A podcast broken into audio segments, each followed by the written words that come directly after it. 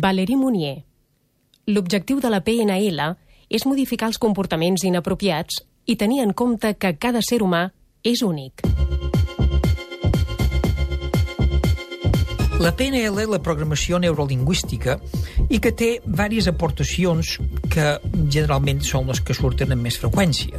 Per una banda, la comunicació efectiva i, per altra banda, una atenció personal en l'educació en funció de si considerem que una persona és més visual, és més auditiva o és més eh, kinestèsica.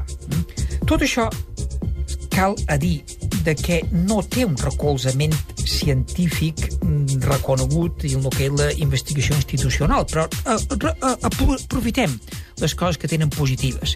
Per exemple, en quant a la comunicació, quan una persona s'explica, a vegades té tendència a dir m'entens? Saps què vull dir? Quan dic això, atribueixo la responsabilitat d'entendre el que jo vull dir a l'altra persona. A davant la mateixa explicació puc dir m'he explicat, en aquest cas em faig jo responsable de que l'explicació quedi lo suficientment clara perquè tu la puguis entendre.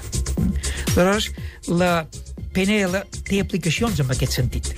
Com el llenguatge pot ajudar a activar unes connexions neuronals que facin possible una bona comunicació, una bona comprensió. En definitiva, crear un clima emocional positiu entre les persones que estan eh, interactuant, que s'estan comunicant. Per això, aprofitem allò que té la PNL, que es pot ajudar a prevenir conflictes i a mantenir millors relacions amb altres persones.